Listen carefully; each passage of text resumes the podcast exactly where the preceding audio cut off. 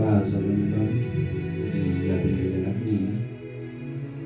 Once again ngibonga ukuphumelela kwenu. Kuhlezi njalo kuyisibusiso ukuhlanganyela nani. Amen. Sibonga inkosi namhlanje bazalwane. Ngomusa wayo ukuba ivume sizodibana kuyona le ndawo. Amen. Due to um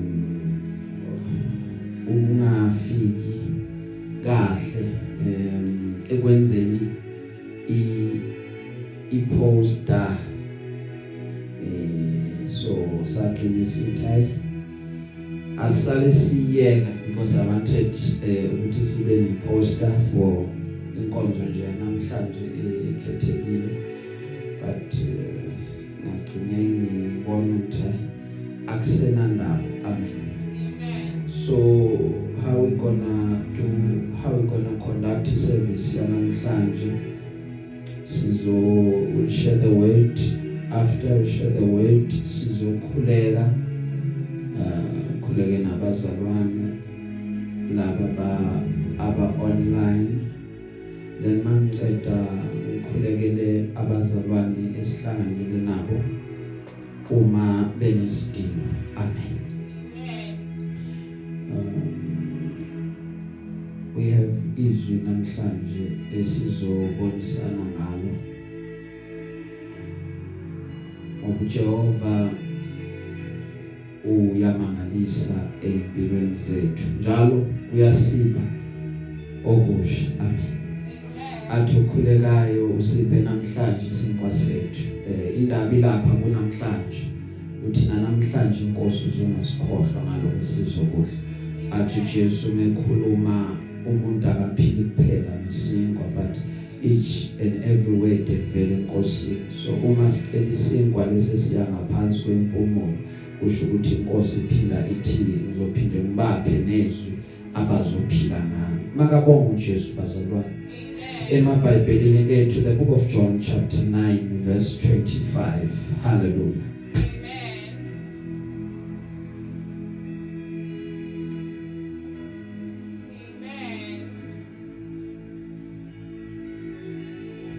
Siyabonga bazalwane the book of John chapter 9 verse 25 glory be to God. Siyambonga ubaba uNkulunkulu bazalwane. Haleluya so namhlanje besithe it's a healing sunday. Inkosi bekile enhlizweni yami ukuthi sikhuleke sikhulekele abagulayo. Amen. Eh we trust and we believe ukuthi ukhona umusa wokuphilisa egameni lenkosi. Amen. Ngiyamazi uNkulunkulu eUNkulunkulu ophilisayo ngiyamazi uNkulunkulu eUNkulunkulu opholisayo ngimbonile uNkulunkulu eba uNkulunkulu afike esimeni labantu sebavala amehlo. Afike uNkulunkulu aphendule amatafula. Umuntu sekabalelwa amalanga kuthiwe uyahamba but afike uNkulunkulu akuqhule izinto amphilise umuntu. Namhlanje i believe without any shadow of doubt ukuthi uNkulunkulu will heal abantwana bakhe. Amen. Glory be to god. Amen. Sinomyalezo umyalezo wamandla. Uma amandla khona sithathele mawuqeda bese uyaphila. Haleluya Niyalezwa namhlanje uthi Paul aphila egameni lenkosi. John chapter 9 verse 25. Ngicela uyiphethe ngesilungu bese asikhonza ke. John chapter 9, verse 25. Yes. Then he answered, I do not know whether he is a sinner, separated from God. But one thing I do know, that though I was blind, now I see. Hayi limnandi limnandi ngicela ngicela usiphindele babudlami. Then he answered, I do not know whether he is a sinner separated from God, but one thing I do know, that though I was blind, blind, now I see. uma ungakhona ukusheshe uyithole ngeswati eh ngicela usifundele.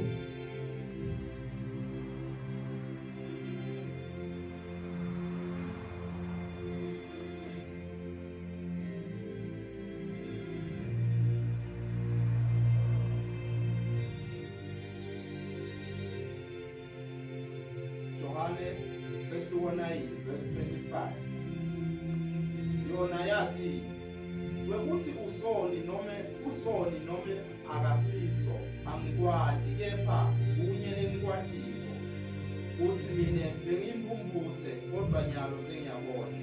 Ngicela usiphindele yona yathi wekuthi usoni noma akasiso angikwadi kepha kunye lengikwatiko uthi mina bengimphumphuthe kodwa nyalo sengiyabona. Amehlo avaliwe ngiyakhuleka.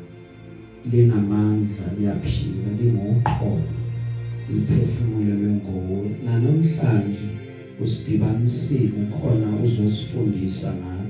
Khuluma ke ngalo kwangazuthi uyaqala uphinde ubusise umphefumulo wethu. Siyacela lokho egameni owasipha lona. Okuyigama lendodana yakho enamandla okwazi ukwenza konke okuyilona lodwa esinikezwe lona ukuba sisindiswe siyakubonga ke ngalo uNkulunkulu wami. Khuluma ngalo baba namanje bese siyabuseka egameni lika Jesu Kristu lo inkosi yethu. Amen. La sifunda khona bazalwane indaba nje em emnandi kakhulu about ukuphiliswa komuntu. Ngithi wena namhlanje phola phila egameni lenkosi. Manje ngithanda ukuba kube khona esibukayo nje kancane.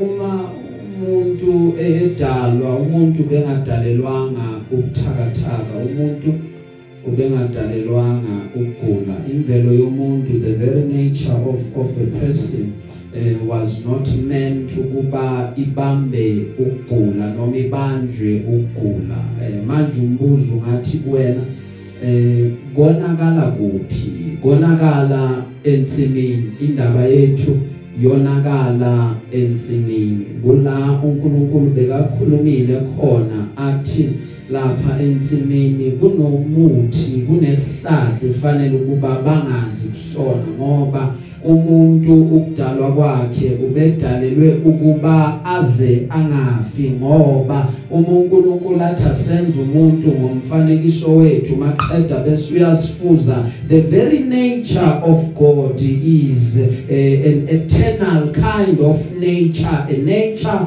engana beginning engenasiphetho is the very nature ekwazi ukwenza ukuba uNkulunkulu ekuphileni kwakhe aphile ingunaphakade without dying. Na uma umuntu emdala ubesemdale with that nature in mind but wamnikeza amalungelo noma eh, amagunya kuba umuntu akwazi ukuba ayikhethele but umuntu chose to fall umuntu chose uhlobo lwenature ekuzokwenza ukuthi maqeda bese uyafa ngokuthi aye emthini maqeda afike adle isithelo uma seqede ukudla isithelo his very nature began to change. His very existence began to change.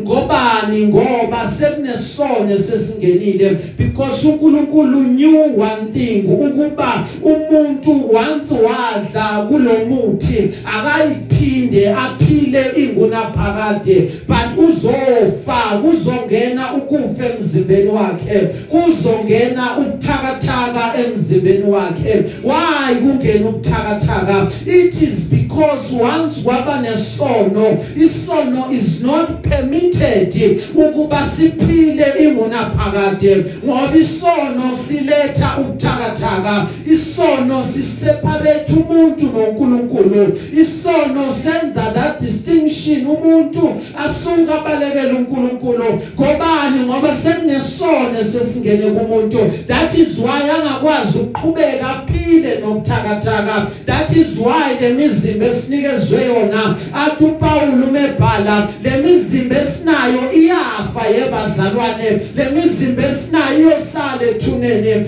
Maqeda bese samkeliswa imizimba emisha. Ngobani? Ngoba lo buthakathaka akunawo amandla wokuthi kuyobonana nenkazimulo maqeda bese kuyaphila. Ingani abantu befa? It is because kuba nokugula okungena emntwini kuhlale. Maqeda bese kuyakhela. Segment by segment by segment kuloku kuqhubeka njalo emzimbeni womuntu. Manje nathi siyahlupha ke ngoba siyaye sithi lokhu ukugula kwami uzukwamkele uthi sewufike kahle yiba sekhaya ngene dining room ngene kitchen yenza umathanda la kukini. Bese sikula size singapholi.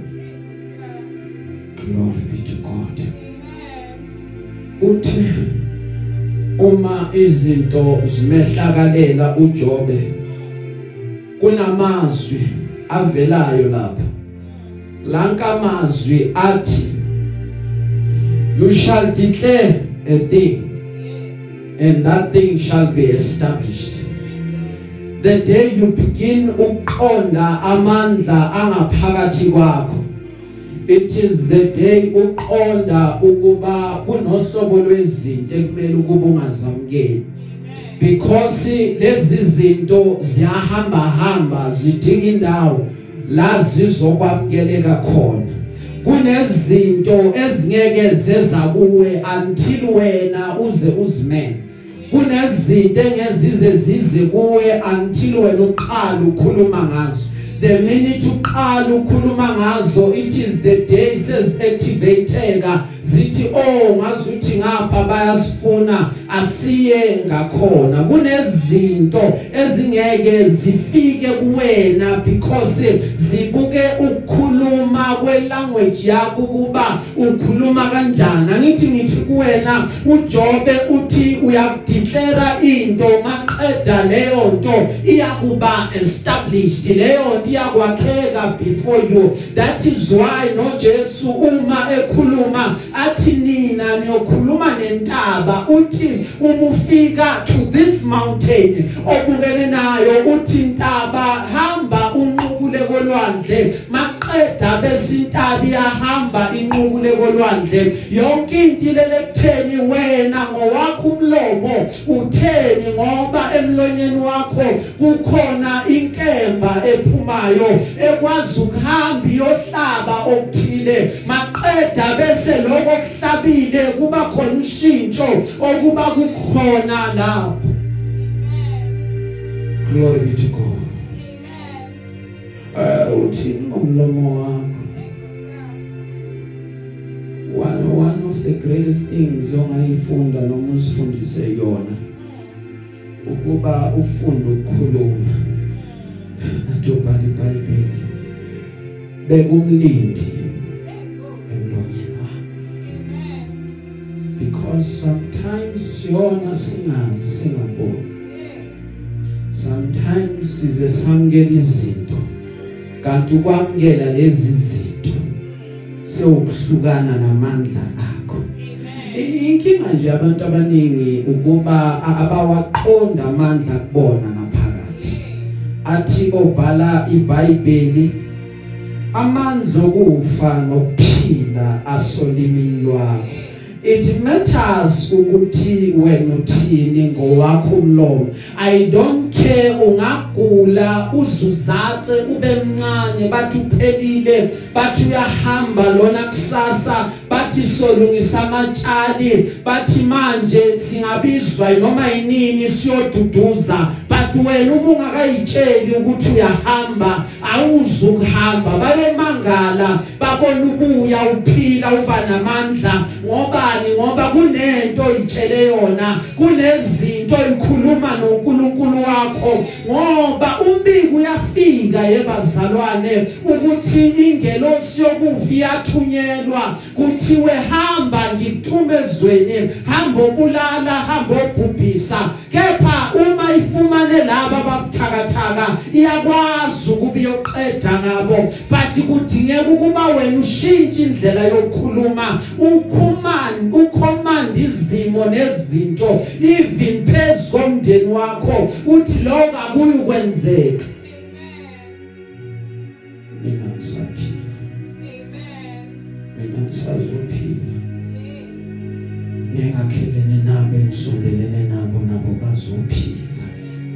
Haleluya ngisho manje ngoba ukugula kufika unexpectedly. Akekho ohlala phansi a-apply athi abhali incwadi i hereby apply ukuba mangibe necancer I hereby apply ukuthi angibe ne-TB I hereby apply ukuba mangibe ne-flu ngiphathwe isifuba but ukugula kuumoya kuhamba ngomoya kuyafika and kufikela kahle kahle noma ngawubani. But ngizothi kuwena namhlanje by faith ungaresigna eguleni uthi hayi sengagula kakhulu ikhabethe lwagcwala amapilisi nemithi right now i hereby resign eguleni. Angisayiphinde ngigule mina ngumuntu onamandla. Mina ngiyokhomanda any form of sickness ukuba ingahlali emzimbeni wami. Maqeda bese what you command bese kuyamanifesta. Ngobani? Lithe izwi sicushiwe ngamazwi omlomo wethu. Nginomuzo nje namhlanje omncane ukuthi ngowakho umlomo ukhuluma uthi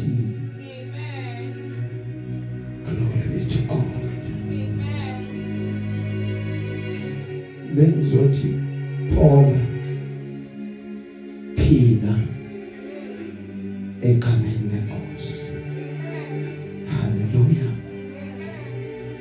ukugula yabona amadimoni?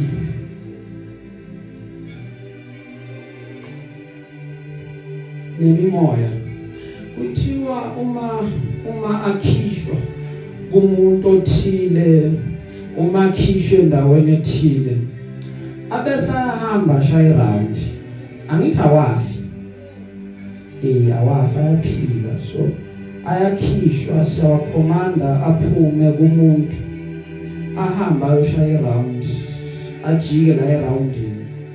Uma lokho ehamba ejika jika uma sakhipha idemon elilodwa kumuntu liyahamba liyo recruit lishaya around nalawa amanye that is why ukwenzeka kwezinto you will find ukuthi izinto zemimoya ziterritorial zihamba ngokwendawo. Kunento ehlupha abantu baseIsrael ibe common futhi. Uma uhamba uyethembiswa uyayithola uma uyetsakana uyayithola. All around you find one common thing one common issue. Because why? Demons are territorial lento zoyithola eh kumasipala mhlambe waseIsrael uma uhamba ufike eThekwini. Kumasipala waseThekwini uthola ukuthi lehlupha abaseIsrael ayibahluphe eThekwini kepha eThekwini bahlushwa hey uthi uyahamba khamba hamba isikhathi uyalalelisisa kahle uze ukuthi awu lento yaqala eThekwini seyikhuphukile seyinyukele eGoli seyihlupha abasegoli. Ebeyihlupha abasegoli seyehlile yaqonda eCape Town seyohlupha abaseKapa. So you understand ukuthi imimoya ukusebenza kwayo is just territorial iya ngokwendawo. And uma ifika endaweni it must be your prayer always. That's why athu Jesu masikhulekeni njalo njalo ngoba kunemimoya enamandla noma ene potential wokuthi ikubambe ngani ngoba ngokwevicinity oyithola ukuyona ngokwendawo okuyona. Sometimes akona nanokuthi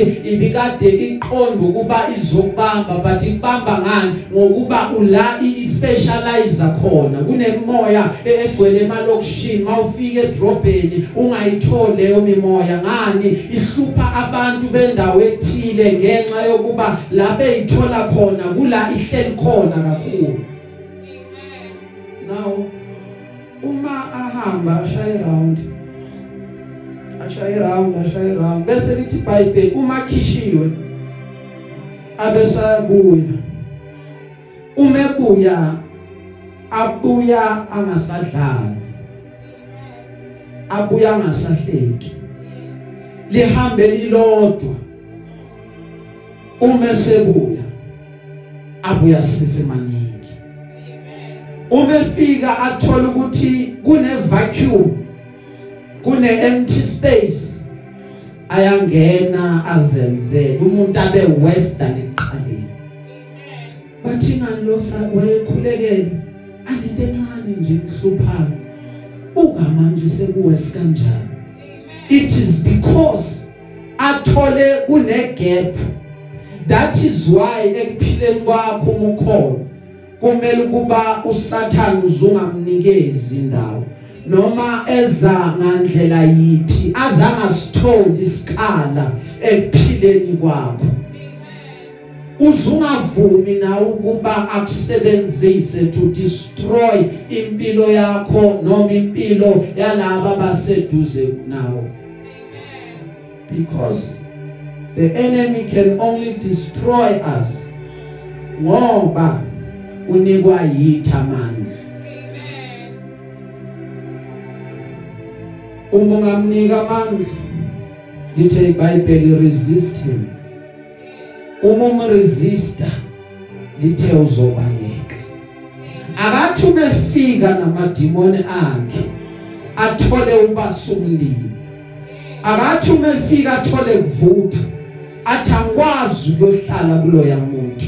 Athi ngizomyeka akaphole. Ngizophinde ngibuye ngiyomhlasela. But umebuya futhi athole kunomlilo uvutha njengoJobe yebazalwane elithi iBhayibheli usathane waya wayomcela enkosini. Wathi uNkulunkulu ngiyakhulula sathane. Hamba omgadla uJobe ngimethembile. But lithi iBhayibheli wabuza umbuzo usathane wathi ngiyomthinta kanjani? Ngoba kunelangabi lomlilo elimsurroundile uma umntwana kaNkulunkulu uma uhlele emkhulekweni umlilo surrounds you. Okungumlilo kaJehova. Konke ukuthakathaka kunamandla konke ukugula akunamandla. Phezwe yakho impilo. Ngifuna ukuthi udeclare ngoba onke amandla namagunya akuwena. Ngifuna ukuthi whatever that is in mind whatever that is enhlizweni yakho ufuna ukuba ibe khona yenzeke empilweni yakho. Uqalele namhlanje uyibize uyideclare ukuthi ibe khona. Uyideclare ngegama lika Jesu uthi lento izoba khona. And uzunga sacrifice uzunga compromise uthi sengimane nje noma ngithola kunjani but i want to ukuba declare konke lokufunayo ngokukholwa bese kuzokwenzeka. Amen. There's a man eBhayibhelini lithi iBhayibheli le ndoda ibikade igula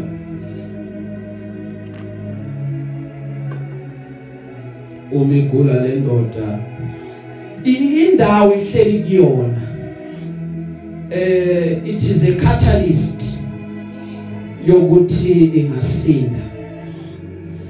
Lithi iBhayibheli yayikadibona bafika basinda. Yangahlala isikhathi esincane yahlala many years. Umihleli iba nalento ukuthi ngizosinda.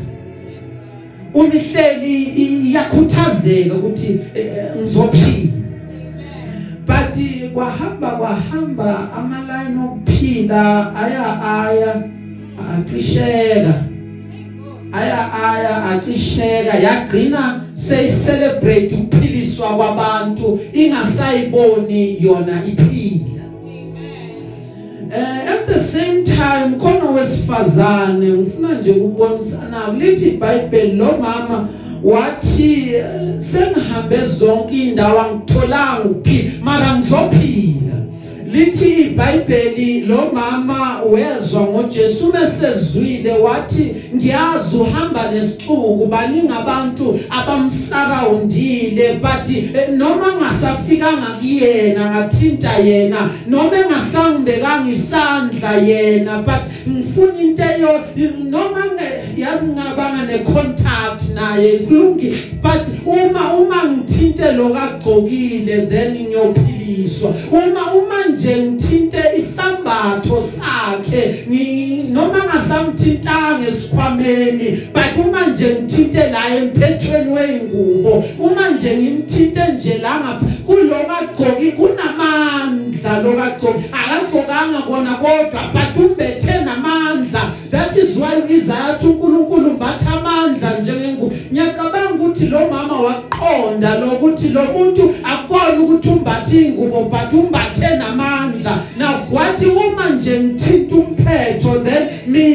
ngiyophila uthi lo baba ke umehleli kufika uJesu kuyena ngoba uJesu ane appointment naye but lithi iBhayibheli wambuza uJesu kulo lo lo yababechibini laseBethsaida wathi uyathanda ukusinda na? Into nje engikhuba impendulo yakhe ngoba kabuzwe kona. Uthi Nkosi ngithi mangithi ngiyangena khona ugijima before mina maqeda bese uyasinda bese mina ngiyasala ngoba umthetho wechibi bekade uthi abangene eqala ibona basindayo. uJesu wabona ukuthi amalayini okuphiliswa ahambe wahamba wacisha wathi kuye phakama uthatha uhlaka lwakho ngoba sowusindile idingathazi ukuthi ukhuluma.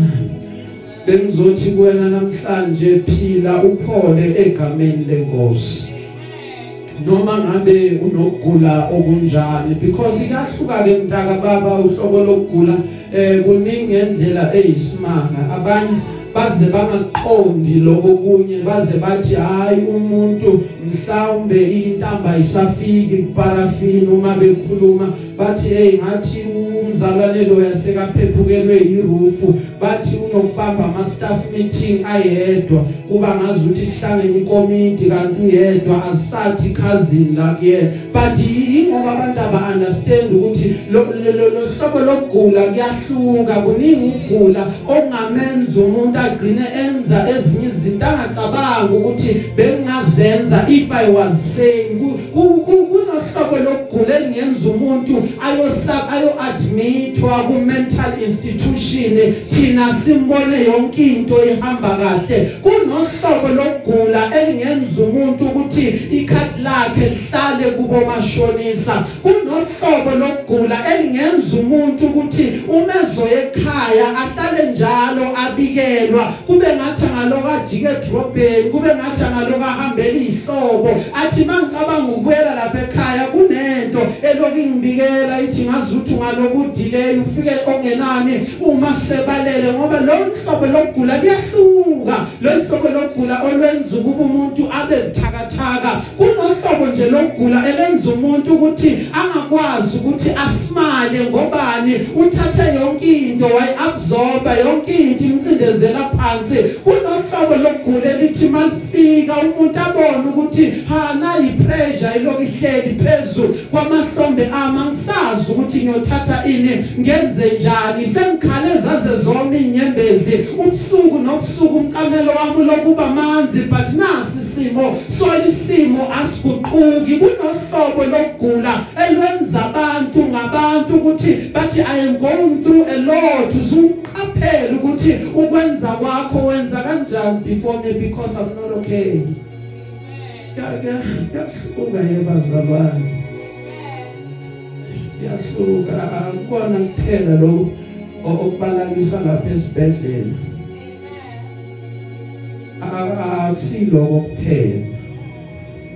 Kunohlobo lokugula elingenza umuntu simbona sishayeka phansi vele kuphele khona lapha bese masiqala sikhuluma sithi awakagulanga ngoba thina silinyazwa yiloko nje ukuthi akagulanga.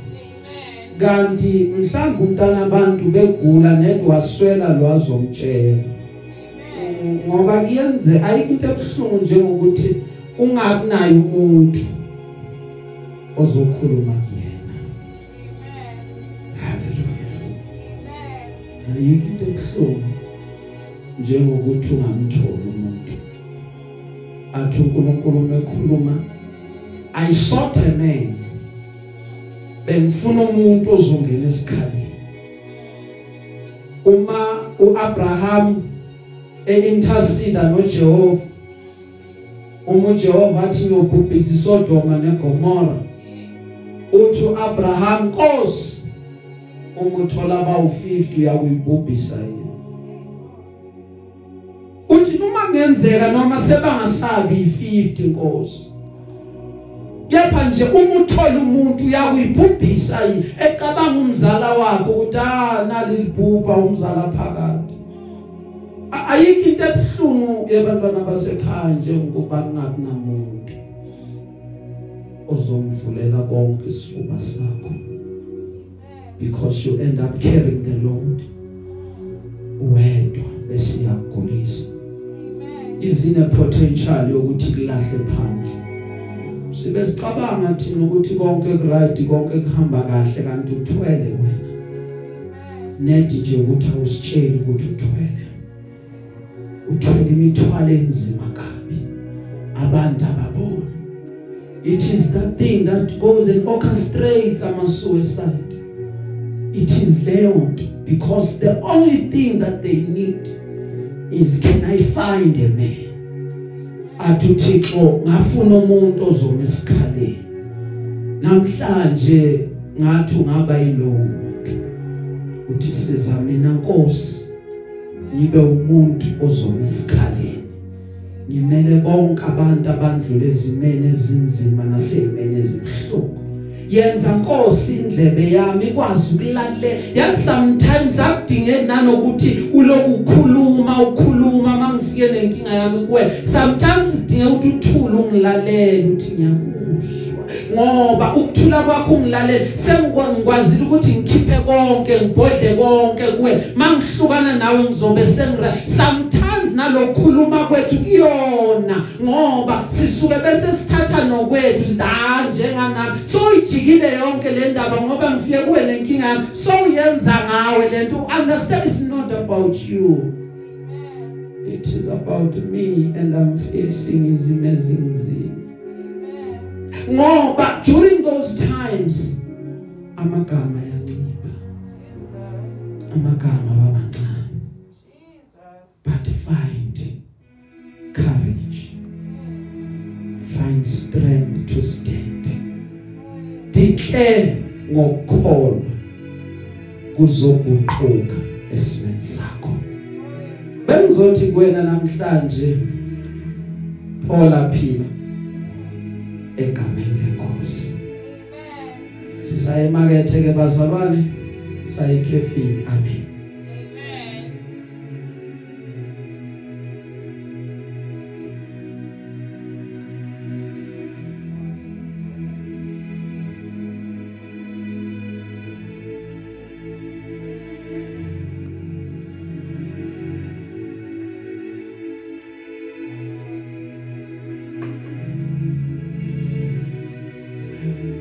Have learned in life ukuba kukhona different kinds or modes of transport.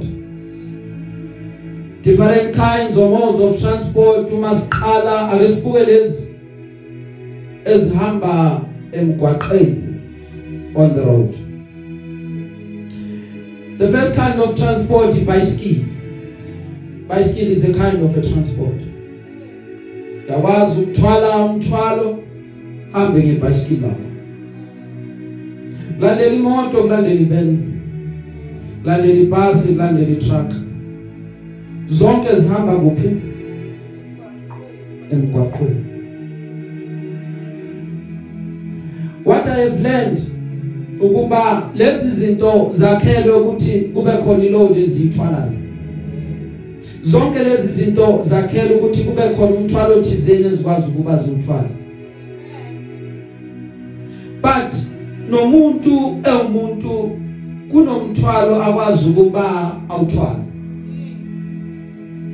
and uh, lezi zinto including umuntu ngifuna ukuthi kuwena zi zimiselwa idestination noma ifinal destination ethile ukuthi thathani lo mthwalo niwumikise kuleya ndawo injongo yalezi zinto ukuba zithathe umthwalo from point A to point B zifike.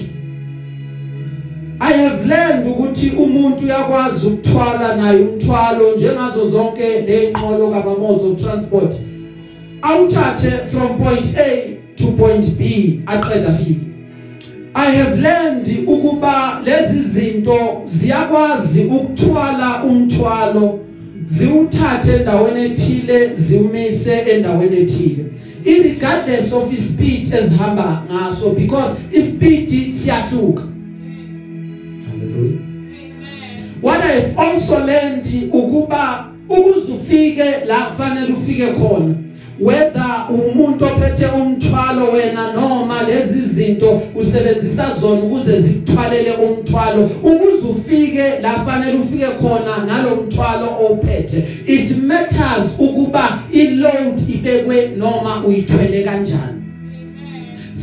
Sometimes into yenza ukuba singafiki la kuyakhona akukona ukuba iload yasinda. But into yenza ukuba singafiki ukuba le load siyithwele kanjani. Ngoba uma ingabophekanga kahle ingawa endleleni. Uma ingabophekanga kahle kungaba nzima to keep on navigating nayo. Ugcine sawudelay la ufuna ukufika khona. It matters ukuthi load uyithwala kanjani.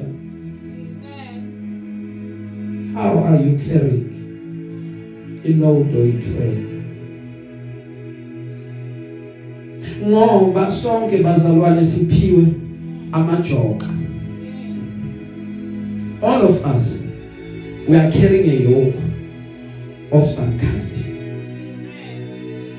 What matters ukufika ku destiny yala uyakhona how are you carrying this load kuzofika izinto kuzofika umoya kuzofika ivunguvungu imvula zizona zizokunetha. How are you carrying this load? Is this load protected against ama attacks avela ngaphandle?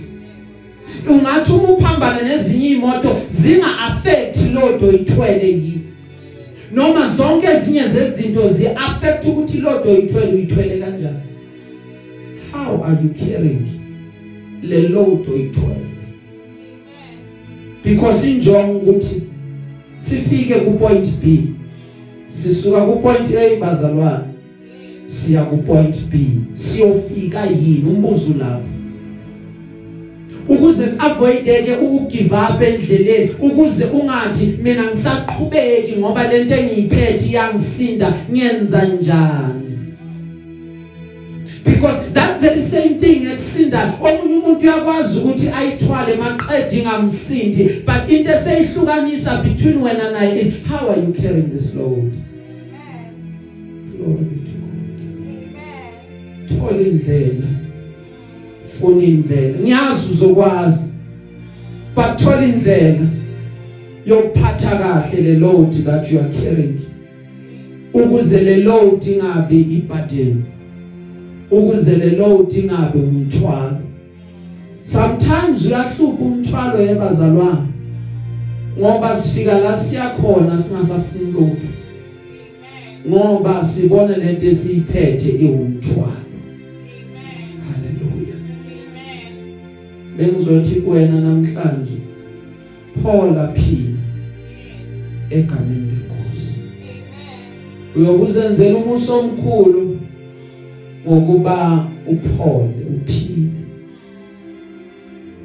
egameni lenkosi. Kunezinto umuntu ayithwele kunezinto umuntu ahamba nazo kunezinto ezingakudonsela phansi kunezinto ezingakudileya ku destiny yakho. But ngizothi kuwe Paul aphila kunenyembezi eyiphumayo kunokulimala okubakhona endleleni. That is why ngizothi kuwena Paul amaqeda bese uyaphila because uyakudinga ukuba uPaul qaphela ukuthi endleleni yakho awuhambi nokulimala. Awuhambi nesilonda siloku si siphuma igazi. Paul awuphila impilo yakhe iyakudinga lo kubhlungu kubhlungu yabazalwane ukuhlala nomuntu kanti lo muntu uyopha. Kubhlungu yabazalwane ukukhuliswa umuntu kanti lo muntu nezilondo uyopha because sometimes okanye kwenzeka ukuba ugcina khiphele lezilonda phezulu cabanga ukuthi awumenzeni akumenzanga lutho ingoba uyopha. And inkinga yabantu esiphila nabo ukuthi baphinde bangakhulumi bafele ngaphakathi.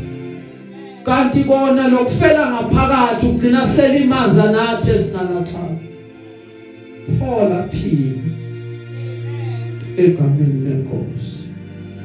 Nguwena kungcono ngoba uwena owaziyo ukulimala kwakho. Ngcono ngoba uwena owaziyo ukuthakathaka kanye nokugula kwakho.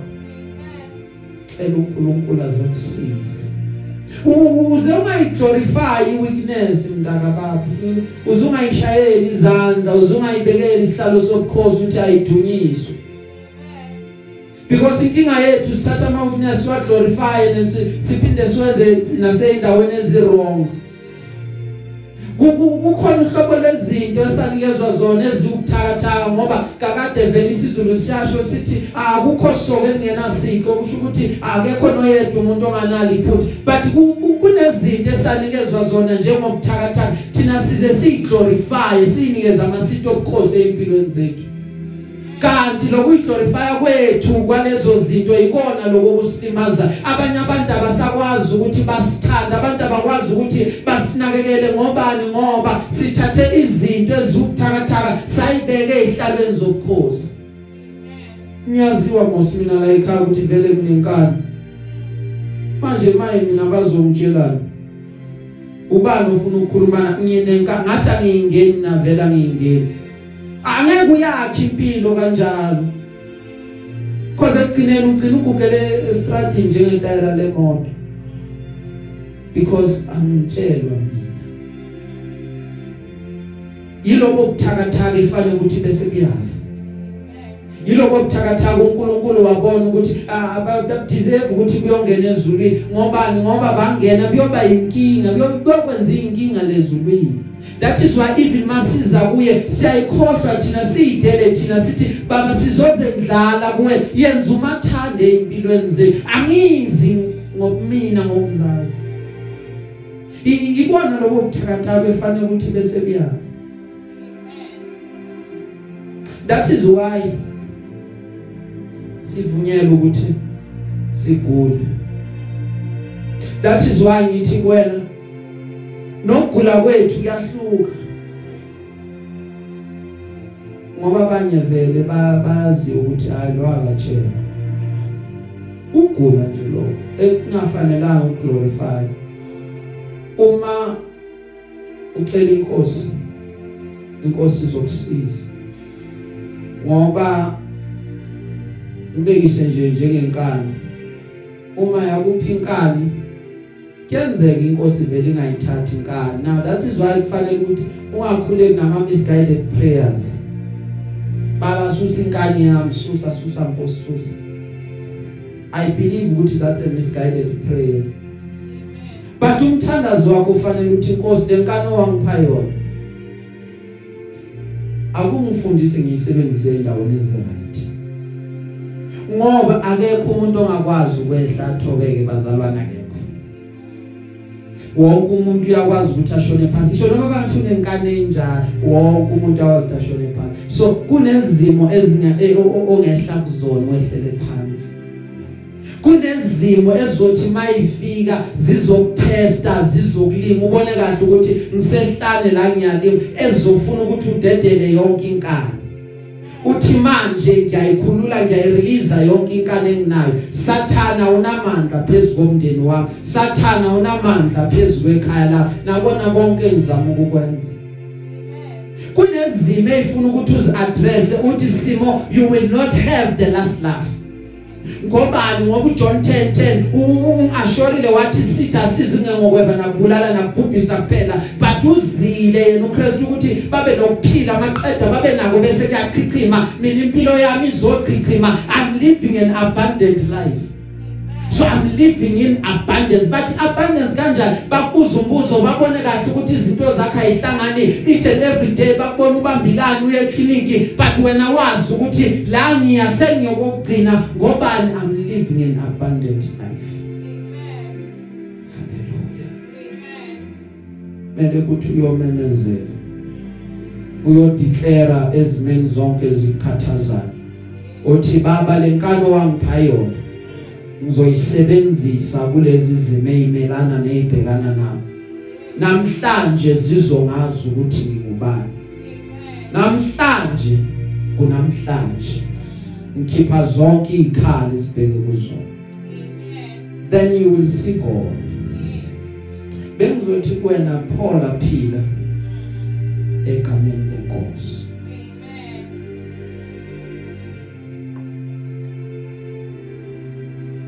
Paula phila. Egameni lenkosi. Amen. Wathi omunye sisakhula sebenzisa lokho kwenzeke kuwena as a stepping stone yokuya empumelelweni. Wathi omunye yenza inyembezi zakho oyikhalile. Zifane namanzi ozowasebenzisa ukuthi uhambe ngawo through the tears to your promised land. Mazehle inyembezi you should have cried my last tear yesterday. Konke ubhlungu engidlule kubona ngiyokusebenzisa. Ukuze bongifikise la ngifuna ukufika khona. Glory be to God. Akukho kuyoba namandla okuma before wena. Uma wazi ukuthi what is my stand? What do i declare? Nokuthi uhamba nobani? Haleluya la sifunda khona bazalwane lithi iBhayibheli bekunendoda eyazalwa iyimpuphuthi lithi iBhayibheli uma silifunda fika abafundi bayabuza Jesu lo muntu kuzazalwa impumputhe wonile noma kona bazali bakhe?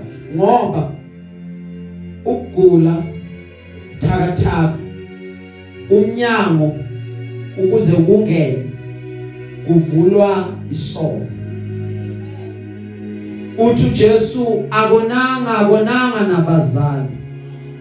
But after isono sesibekhona wakhethwa lo ukuba ngaye kuzobonakala amandla kaNkulunkulu. Oh that is why wazalwa engaboni maqeda uJesu ubuyela back to creation. uNkulunkulu enza icreation lithi iBhayibheli waguqa phansi wathatha inhlabathi wenza udaka. Wamakha umuntu wambumba ngomhlabathi ubuyela back to creation uthatha inhlabathi. Ufela kuwona amathe uma sewafakile wenza udaka back to creation. Uyalithatha udaka umfake emehlweni. Maqeda uthi kuyena hambe silo wami. Ufike khona uyogeza bese amehla akhe azovuleka. Igama elithi silo wami lisho ukuthi othunyiwe that is why no wathu wahamba wafika eSiloam wageza amehlakhe aqeda avuleka uyabuya amehlakhe seyabona bayamfanisa bathi ngazuthi yilo bekade ngabo ukhumbule ngesikhathi seBhayibheli abantu abangaboni bebaneimpahla zabo abayigqokayo kuze kwaziwa ukuthi lo akaboni. Bakwazi ukuthi bamdistinguish. Abanye bathi hayi ngazuthi uye ngazuthi ufana na. Abanye abakho abekhosho maqeda yena uyaba ashore ukuthi imine bekade ngabona. Umbuzo landelayo uthi ubone kanjani? Understand one thing abantu eh, abakhathazanga ukuba ngaboni ngoba ngenkathi engaboni bekabacela ama 1 rand ama 5 akuzange kwabahlupha lokuthi lo muntu akaboni. Yipi mhlawumbe indlela esingayenza ukuthi simenze ukuba abone? But the day aseqala abona baba nenkinga. The day uqala ubona abantu bazoba nenkinga nawe. Uzobezwa nje sebathi sowushintshile. Kulungile mama lokubabona ukuthi ngathi hayi uyayibhayizela nje wena uyisilima sabo eh, uzoloku ubusy ula iduze kwabo kulungile but the day uqala ubona ubese uyakhuluma bazosowushintshile ngoba kuyabakhathaza abantu ukuvuleka komuntu amehlo. Haleluya uma nje ungaqaphela kahle iningi labantu lifuna nje abantu elingabasebenzisa ukuze bona bafike somewhere. Abanandaba even nanokuthi wena khona la ufuna ukufika khona eh amaphupho akho abafuna nokwazi as long as nje useve ukuphusha wabo amaphupho right. Lithi bible bambuza bathi ubone kanjani? Uthi lo baba unendoda. Ogama layo linguJesu uyena ongibonisile bathi kwenzeke kanjani ukuthi ubone ngesabatha ngoba lo muntu kushuthi uyisoni ukuthi azophilisa abantu ngesabatha? Uyona lo muntu. Babiza abazali. Indodana yemle bathi yebo. Why bengaboni seyabona. Asazi buzani mdala ngithi uyakwazi ukuyiphendulela. Le ndoda ibachazele ukuthi kwenzeke njani. Baphinde balanda abanye abafarisi. Iphindi bachazele le ndoda baphinde balanda abanye futhi. Idineke le ndoda ithi abantanyizwa ngoba ngimtshelile or yini selifuna ukuba abafundi bakhe na? But hey, thina we don't associate with such a man. Thina usabafundi baka Moses lona associate naye ngoba sisuspect ukuthi ngathi uyisoni maqeda baze bakhuluma bathi lo uyisoni that is why akwazi ukuthi enze lezi zinto but at the same time bayi contradicta bona but but uyisoni kanjani ukuthi abe namandla okwazi ukuthi aphilise ngoba zonke izona zinawo amandla okwazi ukuthi ziphilise umuntu uma egule nokuthakathaka but lo amandla siyazi ukuthi kusho ukuthi uwathola from kuNkulunkulu but we can come up to the conclusion and say therefore lo muntu lo uyisoni but uthi ube baphendula la sifunde khona angazi ukuthi uyisoni. Or akayisona i don't know whether this man is a sinner or not. Kukodwe ngikwazi sesigcina ukuthi bekade ngingaboni. Manje sengiyabona. Amehlama bekade evalekile. Umzimba wami ubukade unobuthakathaka. Angimazi lo muntu indlela yakhe. Inkambo yakhe angiyazi ukuthi injani angimazi ukuthi mhlambe uma nithi uyisoni unonile or kwenzakaleni i cannot account for lo but nake ngikwaziyo ukuba uthe umefika empilweni yami kwaba khona ushintsho. Bekade ngiyimpumputhe bekade ngihlalela ucela abantu imali. But namhlanje amehlami avulekile akusafani naseqaleni. Ufikile lo muntu wazomphilisa ngizothi namhlanje sengigcina egameni lenkosi amandla akhona wokuphilisa wokupholisa zonke izifo. Bonke ubuthakathaka amandla siwafumana kuyena ngoba wahlatshwa ehlatshelwa ini ubuthakathaka bethu. Ukuze thina bese siyaphila kuyena lo oyibhalsam laseGilead kuyena lo phethe ukuphila kwethu. Noma ugula kufikile kwazohlasela ngifuna wamkela amandla vele egameni lenkosi. Iwona lawo mandla kwazi ukuthi akuphilise iwona lawo mandla kwazi ukuthi akupholise iwona lamandla phakamisa abantu embedeni kuthi sekufungiwe kwaqedwa kwathiwa kayi uphinda avuke. Bambona umuntu ngobuthakathaka phakama. Babona uNkulunkulu ebuyisa amandla ngoba uNkulunkulu uyakwazi ukuphilisa. Ayikho kuyena into engenzeki. Ishosha ziyasukuma imumu ziyakhuluma impumputhe ziyabona. Abadla poison bayawuhlanza ngegama lika Jesu ngaphezulu kwabona konke sizovala namehlo wethu then i pray. Egameni lika Jesu waseNazaretha. Naba abantwana bakho ngosomunye simakade usegula iminyaka. Omunye inkosi ithemba seliyaphela liyashabana babi imali ziphelile bagijima odokotela. Omunye inkosi akasazi ukuthi enze njani. Right now ngikhuluma amandla kwazi ukuphilisa. Right now ngikhuluma amandla kwazi ukupholisa. Nazi idingo zabantwana bakho simakade ngiyabakhulekela simakade ngiyabanyusa uNkulunkulu wami ngibaletha kuwe. Ngibathwele ngohlaka lomkhuleko. Baphilise simakade bapholise Nkosi. Bonke abanogula bonke abanobuthakathaka bonke abanezidingo hlangabezana nezidingo zabo.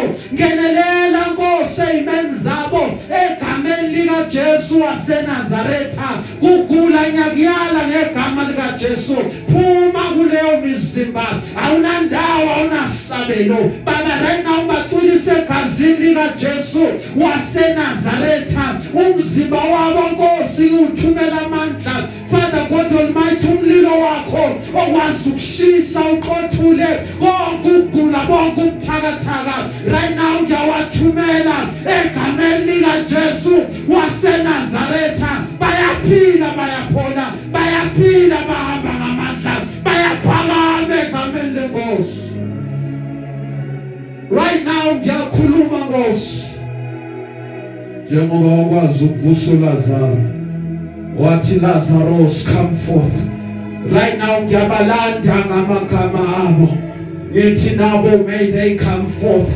Konke bekunamathele emzimbeni right now kuyanqamuka ngegama lika Jesu waseNazaretha imimoya yeminyaka iyathutha ayiphindi kuye. Right now Nkosi ngibabiyela ngelanga bilomlilo isitha sina access empilweni zabo. Isitha sina access enhlizweni zabo ngegama elinamandla. Lenkosi yethu Jesu waseNazaretha. Baba ngiyabonga. Ngiyazi ungizwa njalo. Namanje usungizwile. Thatha udumo ngenkosi. Bese uKristu uyaphakama. Baba siyakuthanda ungunkulunkulu wethu.